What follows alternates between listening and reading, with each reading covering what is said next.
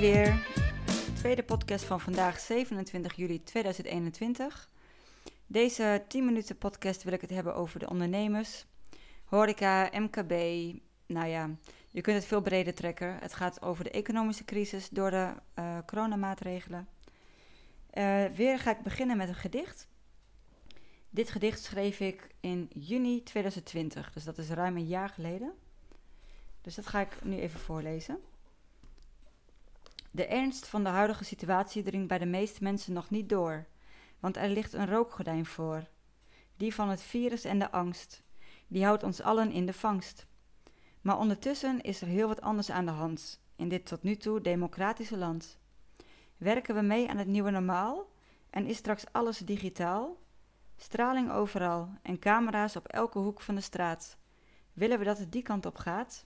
Verplicht vaccin, dat is het doel. Maar dat mag niet gezegd worden, houd je smoel.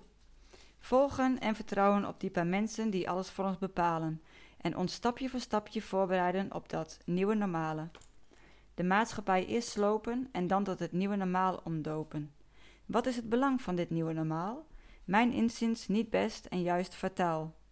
Twee jaar terug zijn er meer dan 9000 mensen overleden aan de griep. En niemand die toen vanuit de politiek riep. Nu 6000 mensen overleden en ook dat is supernaar. Maar wat we niet zien is het werkelijke gevaar. Van de gevolgen van de maatregelen en het willen aanpassen van de grondwet. Daar is niet zoveel aandacht voor, wordt niet zo op gelet. Alle vrijheid op de schop. Maar wat levert ons dat op? Een hoop ellende, nare bende.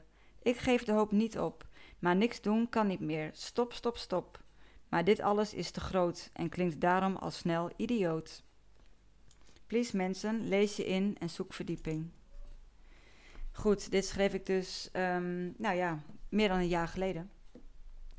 Zelf heb ik eh, corona gehad. Ik heb long covid. Ik weet wat corona is. Hè? Dus mocht je mijn podcast hebben gevolgd, dan weet je ook dat ik er, uh, ja, dat ik alle beide kanten van de medaille wel ken.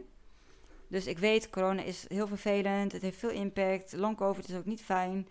Maar ik mis nog steeds ja, de aandacht voor dat. Hè, van gewoon de oplossingsgerichte aandacht. En goed, dat is een stukje. En voor de rest, uh, ik vind dat echt verwaarloosbaar.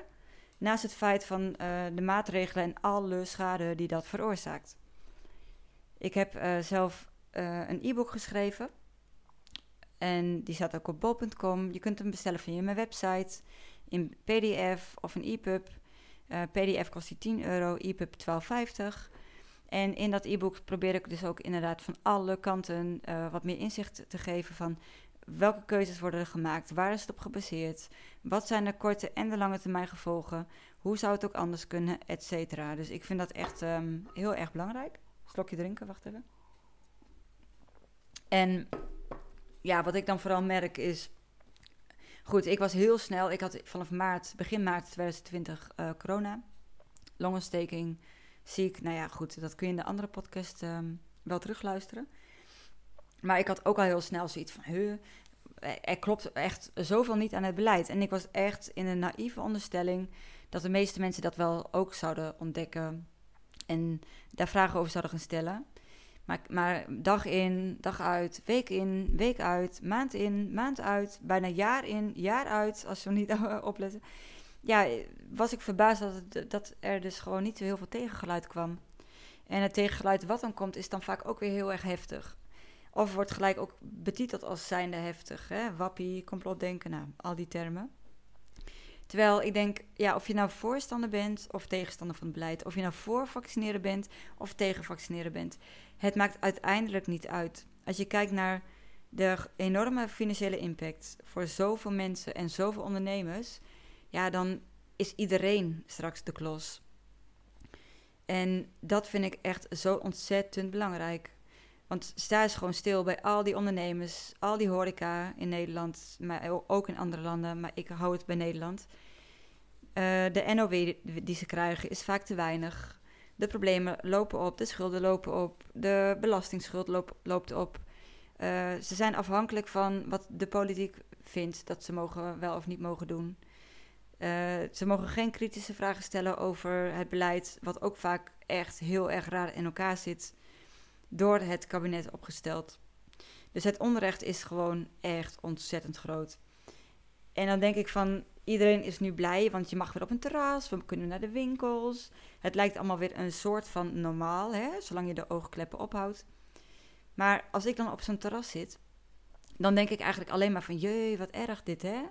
Voor die ondernemer. Ik bedoel, ik zit hier gezellig mijn wijntje te drinken of mijn kopje cappuccino te nuttigen. En allemaal gezellig. En dan denk ik, maar wat is dat toch een mega groot contrast tussen lekker daar zitten, genieten en tralala. En ondertussen op de achtergrond eigenlijk, tenminste zo ervaar ik het, het leed voelen van die ondernemer. Het van we mogen weer open, dus we gaan open, maar eigenlijk is het zinloos. Want ja, hoe kun je nou de schade nog inhalen terwijl je heel kort open mag? Want ja, het is nog zomer, maar de herfst komt er weer aan. En iedereen weet dat je in de herfst heb je griep. En zodra dus de griepcijfers omhoog gaan, of nou corona is of griep, dan is de, gelijk zijn, worden de maatregelen weer aangescherpt. Worden ondernemers voor het blok gezet. Werk je mee aan het, uh, hoe noem je dat? Testen gedoe. Ik, eh, testen en prikken en alles. Of doe je het niet? En dan, dan denk ik van, een kat in het nauw maakt rare sprongen. En ik vind het gewoon ontzettend zorgelijk dat dat zo weinig wordt opgemerkt. En de ondernemers die houden zich stil, want ja, iedereen zit in een soort van, hey, als je je uitspreekt, dan ben je al heel gauw de boeman. Van nou, nou, we doen het voor de zorg. Maar we doen het voor de zorg, ja, ik ben het daar echt helemaal mee oneens. Want als we het voor de zorg doen, dan zouden we het echt grandioos anders aanpakken, deze crisis, dit beleid. Want als we het voor de zorg doen, dan hadden ze dat noodhospitaal laten staan. Dan hadden ze dat schip laten komen met al die zorgmedewerkers om die zorg op te vangen. Dan hadden ze uh, leegstaande ziekenhuizen opnieuw ingericht om zorg op te kunnen vangen. Dan hadden ze geadviseerd op het gebied van preventie, van hoe hou je jezelf gezond. Dan hadden ze gewerkt aan het instand houden van de gezonde maatschappij in plaats van het alleen maar af te breken. En steeds maar weer gebeurt dat niet. En steeds maar weer zijn de ondernemers de klos. En dat onrecht vind ik echt zo groot. Hoeveel ondernemers heb ik al gehoord die zeggen wel, ja, alles is op. We kunnen niet meer bijlenen. Het huis moet worden verkocht. De zaak moet dicht. Personeel wordt ontslagen. En dan, ja, ik kan dan niet anders bedenken, al vanaf dus juni, eigenlijk al eerder vanaf april 2020. Het klopt gewoon niet. En zolang we wegkijken, of je nou voor of, tegenstander bent, nogmaals, voor dat vaccin, voor het beleid, iedereen heeft straks dezelfde wereld gecreëerd. Omdat we daarin meegaan. En ik zeg niet dat protesteren zo zinvol is, maar het, het is pas zinvol als we massaal gaan opstaan. Massaal. Net zoals in de landen om ons heen. Wat heel veel mensen niet weten. Er is enorme opstand in zoveel landen om ons heen. Maar die beelden zien we niet. En dat is echt heel erg jammer. het is nu ook uh, in Australië bijvoorbeeld, hè, het land met een van de strengste coronabeleidmaatregelen. Die beginnen ook wakker te worden. Die zeggen: ja, maar het klopt niet. Er klopt helemaal niks meer van. De hele, het hele land gaat kapot. Omdat er iemand besmet is, omdat er, er iemand uh, sterft aan corona. Maar wat voor sterftecijfers komen er straks niet weg door uitgestelde zorg, door armoede, door andere crisissen, door zelfmoord, door noem het maar op. Nou, dus ik wil echt um, dit in, ik wil dit gewoon gedeeld hebben. Ik, wil, ik hoop gewoon van harte dat mensen ook denken: oh, maar wacht eens even. We denken wel heel erg korte termijn nu. Ik ben te naïef geweest om te denken dat de mensen vanaf vorig jaar al gelijk zoiets hadden van: goh, raar. Maar ik, ik heb wel de hoop dat mensen alsnog dat gaan denken. Dus bij deze heb ik gedeeld hoe ik over dit stukje denk. En zo ga ik straks weer door naar het volgende stukje.